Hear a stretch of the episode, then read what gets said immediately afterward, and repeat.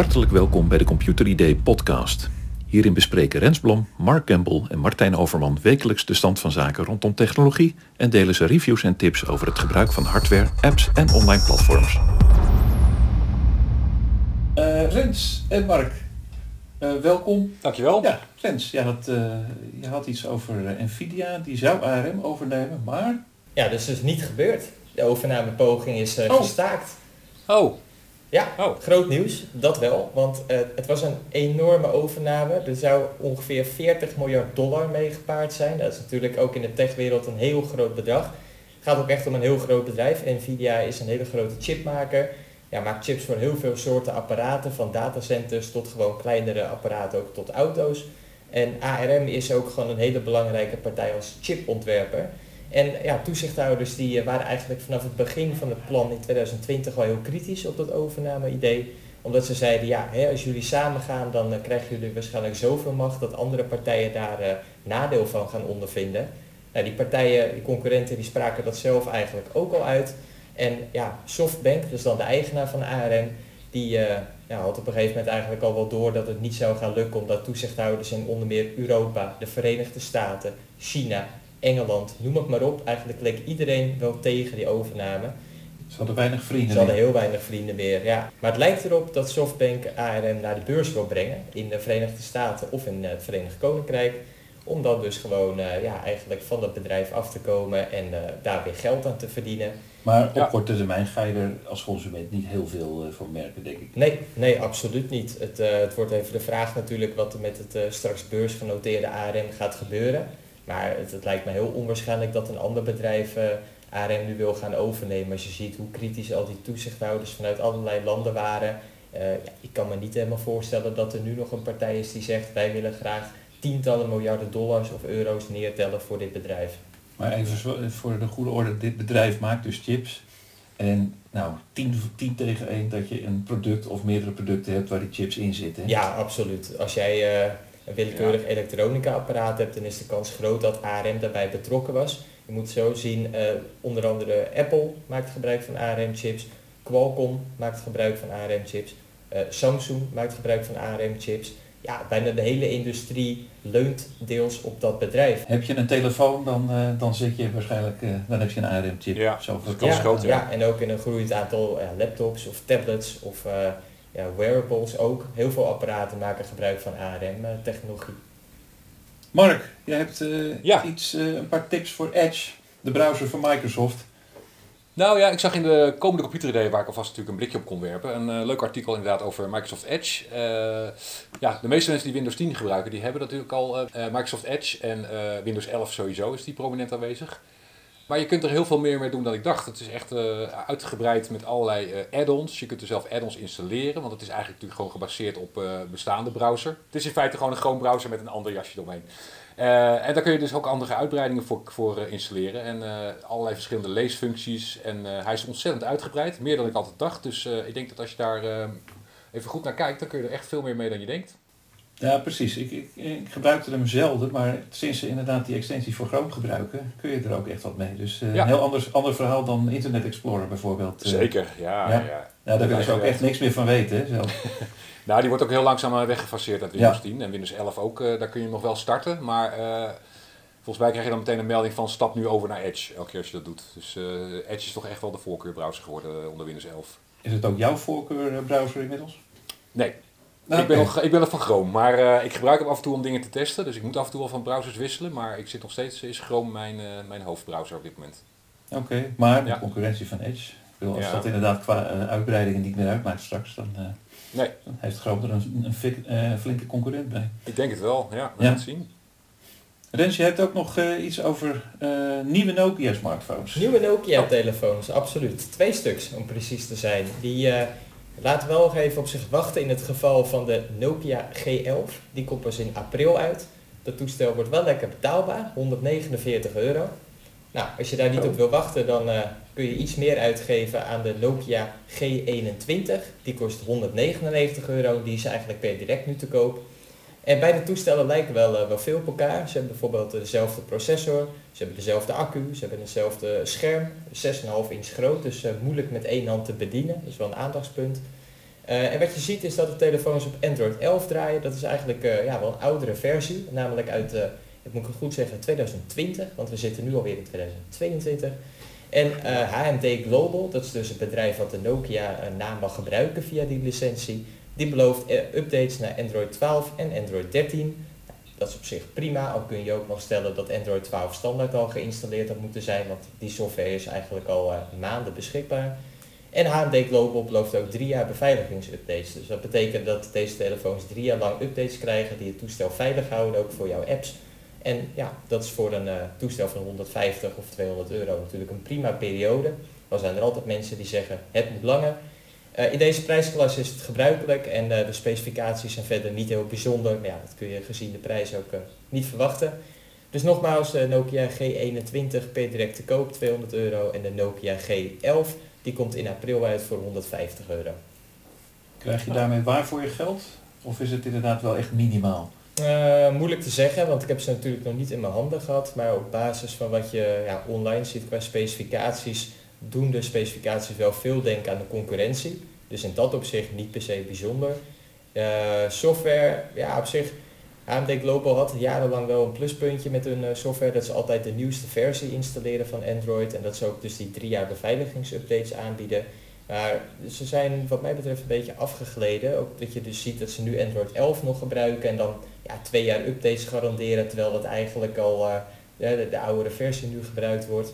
En die drie jaar beveiligingsupdates is inmiddels ook niet meer uh, ja, top of the line. Uh, Samsung biedt vier jaar updates voor zulke toestellen in dit prijssegment. Oppo doet dat ook. OnePlus die gaat ook al naar vier jaar. Motorola is bij sommige toestellen ook overgestapt naar drie jaar. Dus je ziet dat de hele industrie vooruit gaat. Terwijl HMD Global nou ja, of op hetzelfde niveau blijft of wat mij betreft zelfs een beetje afgeleid. Dus ja, jammer. ja, het lijken goede toestellen, maar ik zie zelf nog niet per se een reden om deze nu te gaan verkiezen boven die van een ander merk. Nee. nee, wat ze hebben gedaan. En na deze kritische review van Rens, of in ieder geval is het niet een review, maar beoordeling, is het, uh, is het misschien niet aantrekkelijker geworden. Nee, nee, nee. Ik wil even door met een, uh, een volgende onderwerp uit het blad wat er aankomt in Computer Day 7. Uh, is het weer tijd voor de jaarlijkse belastingaangifte in Excel. Ah, daar is hij weer. We hebben hem vorige keer al aangekondigd en hij komt er nu inderdaad aan. Uh, een lezer vroeg mij wat, uh, wat nou precies de reden was voor die Excel-aangifte. Want het aangifteprogramma is heel uitgebreid en een stuk gebruiksvriendelijker geworden. Je kunt daar uh, op onder andere ook de, de posten in verdelen. Een van de unieke dingen in de Excel-sheet vroeger. dat kan nog steeds. En de auteur meldt daarover zelf dat het in het aangifteprogramma veel omslachtiger gaat. In dit Excel-bestand is er één knop uh, als je fiscaal partners bent, want daar gaat het over, kun je met één knop zeggen verdeel optimaal. En dan heb je bepaalde posten uh, die, die daarvoor in aanmerking komen, uh, meteen optimaal verdeeld. Nou, als je die vervolgens overneemt in je aangifte, dan weet je zeker dat je niet te veel betaalt. Dus met deze aangifte in Excel ga je gewoon echt veel makkelijker besparen op je aangifte. Dus dat, nou ja, dat heeft wel meer waarde. Dus ik, Altijd mooi meegenomen. Ja, ja, ik ben benieuwd. Hij komt eraan en hou Computer ID 7 daarvoor goed in de gaten. Uh, Rens, je had nog iets over uh, een grote, ja ik heb het zelf ook gekregen, een, een, een massaclaim tegen Apple en Google. Zat Alexander Klupping daar nou achter? Ja. Wat was er aan de hand? Ja, Alexander Klupping, hè, wie kent hem niet? Uh, eerst van de Wereld Draait Door natuurlijk en daarna van Blendel, daar is hij nu uh, vertrokken. En wat heel interessant is, is dat hij het gezicht is van een nieuwe stichting. Die stichting heet App Store Claims. Dat is een Nederlandse stichting en die wil 1 miljard euro gaan vorderen van Apple en Google. En waarom willen ze dat? Omdat zij vinden dat de commissie die Apple en Google rekenen via hun appwinkels, de App Store en de Google Play Store, zij vinden dat die commissie te hoog is. En zij vinden dat Nederlanders gedupeerd zijn, omdat zij verplichten die commissie betalen van 30%. En er is geen alternatief voor. Nou, zie je dat er in Europa wel veel uh, ja, overheidsdruk komt op uh, die partijen of ze misschien die commissie moeten gaan verlagen. In Nederland gebeurt dat nu ook uh, deels. Het gaat iets te ver om dat nu te gaan voeren. Maar in ieder geval, die stichting die bereidt dus rechtszaken voor om Apple en Google te dwingen om dus eh, met een eh, flinke zak geld over de brug te komen. Voor wie is dat geld dan bedoeld? Eigenlijk voor iedereen die zich eh, kosteloos zou aanmelden via die collectieve actie. Kost dus niks nogmaals en het is no cure, no pay. Wat dus inhoudt dat als ja, de, de stichting App Store Claims succes boekt, dan deel jij mee. En ja, Lukt het niet om welke reden dan ook, dan kost het jou niets en verlies je er ook niks mee. En hoe groot schat je in is die kans? Oeh, nou dat durf ik niet te zeggen. Dat is een hele lastige vraag. Is het nou zo dat Google en eh, eh, Apple allebei evenveel eh, eh, commissie vragen? Of hebben ze allebei verschillende Ja, die commissies? lopen wel wat uiteen. Dat hangt er ook weer vanaf of jij een grote of kleine appontwikkelaar bent. En bijvoorbeeld nu... Oh, ja, en eh, dat hangt bijvoorbeeld eh, een miljoen euro omzet en dan daarna hang- is er weer een ander commissietarief. En wat je ook in Nederland nu ziet is dat eh, de autoriteit Consument en Markt die heeft onlangs besloten dat Apple eh, ja, andere betaalmethodes moet gaan toestaan voor datingapps. Maar weer alleen in Nederland. Oh ja, ja. En Apple die was het daar niet mee eens. En Apple krijgt nu 5 miljoen euro boete per week. Dat is nu al 20 miljoen euro op het moment dat wij dit opnemen. Ehm, dus ja, daar spelen heel veel belangen in. En heel veel eh, geld gaat daar natuurlijk in om. Apple en Google verdienen ja, elk jaar echt miljarden euro's via die 30% commissie. En dan moet je denken aan mensen die betalen voor Tinder Plus bijvoorbeeld, de dating app. Maar ook mensen die geld uitgeven in een game, hè, een Fortnite bijvoorbeeld. Eh, of eh, een abonnement afsluiten op een, op een muziekstreamingsdienst vanuit zo'n app. Er gaat superveel geld in om en daarom is het ook wel heel interessant om te kijken, ja, gaat zo'n stichting, gaat zo'n claim nou daadwerkelijk succes behalen? Ja, en als we dat al doen, dan heb je niet volgende week dat op je bankrekening staan. Absoluut niet. Nee. Dit is iets van de lange adem, dus eh, voor mensen die Ja. zich te veel verheugen. Ja. Mark, je had, eh, je had nog meer browser tips. Ja, het, gaat niet, eh, het houdt niet op met de browsers deze keer. Ehm, dit keer gaat het over profielen in browsers. Bijna iedereen eh, gebruikt wel eens meerdere eh, profielen. Want je hebt bijvoorbeeld mensen die hebben op- voor hun werk andere favorieten dan eh, voor je favorieten thuis. Of je moet op bepaalde diensten inloggen. Eh, met verschillende browsers kun je dus ook gewoon verschillende gebruikersaccounts aanmaken. Net als voor je Windows computer kun je daar eh, op inloggen en dan heb je een andere omgeving. En dat geldt ook voor je browser. Dus je kunt bijvoorbeeld zeggen van eh, ik log op die browser altijd via mijn Google account in en op de andere browser via mijn werkaccount. en dan heb je op allebei de verschillende onderdelen je eigen favorieten en instellingen. Ja. Dus dat is eigenlijk ja, wel handig voor mensen die veel met allerlei verschillende browsers en tabbladen en dat soort dingen werken. Ja. ja. Nou, klinkt handig en ga, Ja. ik, ga ik eens naar kijken. Dus ook in nummer 7. Ja, nou, het is een prachtig nummer nu al.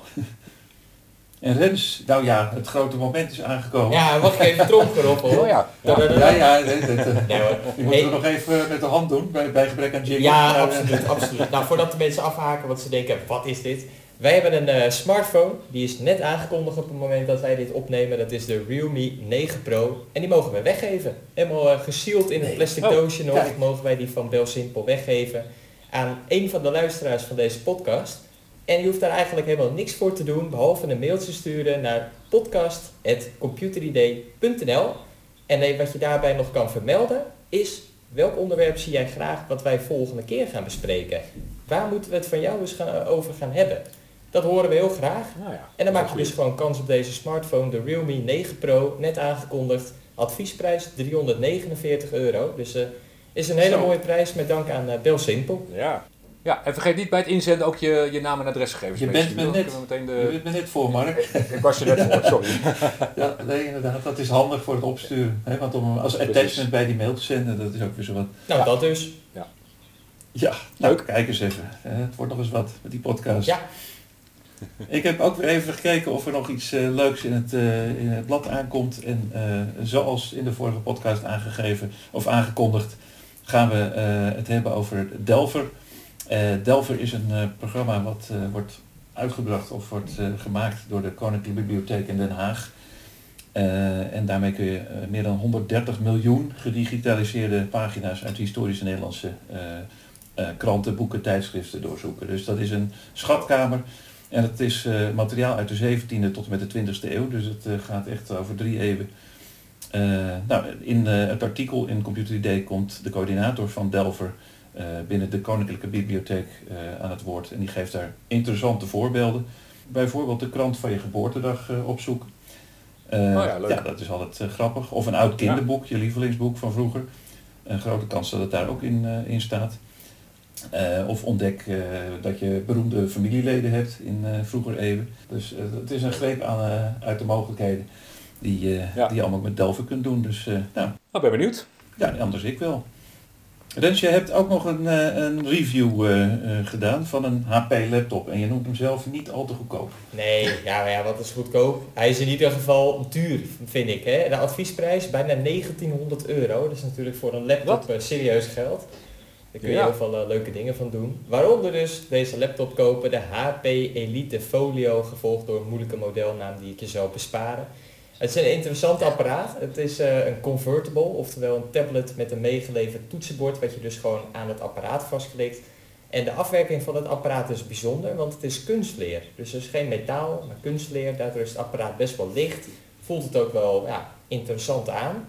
Ehm, maar ja, voegt het echt iets toe? Nou dat eigenlijk verder niet. Hè? Dus behalve de misschien iets lichtere buizing merk je het niet. Eh, Het apparaat weegt trouwens eh, 1,32 kilo, oftewel 1300 gram. Ehm, Dat is niet veel. Nee, dat is niet Nee. veel. Het is op zich ook wel een eh, ja, compact apparaat. Dat, dat zie je ook wel terug. Het scherm is 13,3 inch. Heeft gewoon een Full HD resolutie. Ziet er goed uit. Wat mij opviel is dat het toetsenbord heel erg lekker typt. Het is echt eh, voor, een, eh, voor een convertible bovengemiddeld. Dus dat was ik wel eh, erg blij mee. Waar ik minder blij mee was, was de processor die in het apparaat zit. Dat is niet eh, eentje van eh, AMD of Intel. Het is er eentje van Qualcomm, Snapdragon 8CX Oh. Gen 2. Klinkt heel erg spannend. Betekent in de praktijk ja, dat, eh, ja, dat je een beetje ja, beperkingen hebt. Het, ehm, het betekent bijvoorbeeld dat je geen 64-bit eh 86 programma's kan gebruiken, alleen de 32-bit versies. En ja, die zijn er nog niet allemaal van alle programma's die je misschien gebruikt op je laptop. En dat betekent in de Nee. praktijk dus wel eens dat je gewoon eh er tegenaan loopt dat je een programma niet goed kan gebruiken. En dat is toch wel weer heel erg raar als je een laptop van 1900 euro in je handen hebt. Dat verwacht Ja. je niet inderdaad. Nee, Nou, het lijkt alsof ze al het geld hebben besteed aan het uiterlijk en eh, aan niet aan de hardware. Ja, het is, eh, het is wel de combinatie van misschien. Want wat je wel ziet is dat die HP Elite Folio heel erg lang meegaat op een accuduur. Echt wel 15 uur bij kantoorgebruik. Dus dat is voor een... Met eh, een trage processor vind ik dat niet zo bijzonder. nou ja, dat, voor een Windows laptop is dat natuurlijk wel een fijne accuduur. Maar inderdaad, als de processor wat minder is, dan uit het zich vaak wel in een langere accuduur. Maar hij draait wel gewoon Windows Ja, dus. hij draait wel gewoon Windows. eh, maar ja, ik, eh, ik ben er niet heel erg enthousiast over als productiviteitslaptop. Juist omdat dus bepaalde programma's niet goed werken. Eh, en ik vind hem ook gewoon heel erg duur voor wat je ziet. Dat eh, de prestaties in zijn algemeen ook niet heel denderend zijn. Bij een Apple laptop, een MacBook Air bijvoorbeeld, die is 800 euro goedkoper. Maar die is op alle vlakken wel veel sneller bijvoorbeeld. En ja, dan, dan voelt dit apparaat met zijn hoge prijs toch een beetje aan als iets wat er heel mooi uitziet heel erg lekker toetsenbord ook heeft. eh, eh, stil, heeft geen ventilator zeg maar. Maar ja, is het nou 1900 euro waard? Ik vraag het mij af. Ik denk er zelf nog even over na. Ja. Ik sluit hem af met apparaat in identiteitscrisis. Ik kom erop terug. Ja, we komen erop terug. Nou, en we sluiten ook de podcast eh, ongeveer af met eh, een aankondiging van, nou laat ik het houden op twee eh, onderwerpen die we volgende keer in ieder geval aan bod laten komen. Bijvoorbeeld eh, een laptop als desktop gebruiken. Eh, nu half Nederland afwisselend thuis en op kantoor werkt, is eh, zo'n draagbare apparaat natuurlijk geen overbodige luxe meer. Nee. En tegelijkertijd, je had het er net al over, je doet liever geen concessies aan de prestatie. Hè, de productiviteit staat toch voorop. Dus een item over hoe je je laptop als volwaardig PC kunt inzetten. En tot slot eh 15 verrassende toepassingen voor USB-sticks. Eh, hoewel cloud-opslag aan terrein wint, zijn die USB-sticks nog steeds niet weg. En je kunt er ook andere dingen mee dan alleen maar bestanden op, eh, op zetten. En eh, het is een auteur gelukt om er 15 verrassende tips eh, over te verzamelen. Nou, die gaan we Oh. de volgende keer eens bespreken. Niet allemaal, maar wel een paar. Dus Staan er ook tips in hoe je ze weer terugvindt als je ze kwijt bent geraakt? Want ik raak Misschien. constant kwijt. Misschien is die er wel bij. Ja. Dus eh, nou, het, zou, het zou inderdaad eh, het zou leuk zijn als dat soort eh, verrassende invalshoeken daarvan deel uitmaken. We gaan het eh, allemaal horen volgende week. Dus eh, graag tot de volgende podcast. En dat is over een week. Bedankt voor het luisteren. Hartstikke leuk, dank jullie wel. Doei.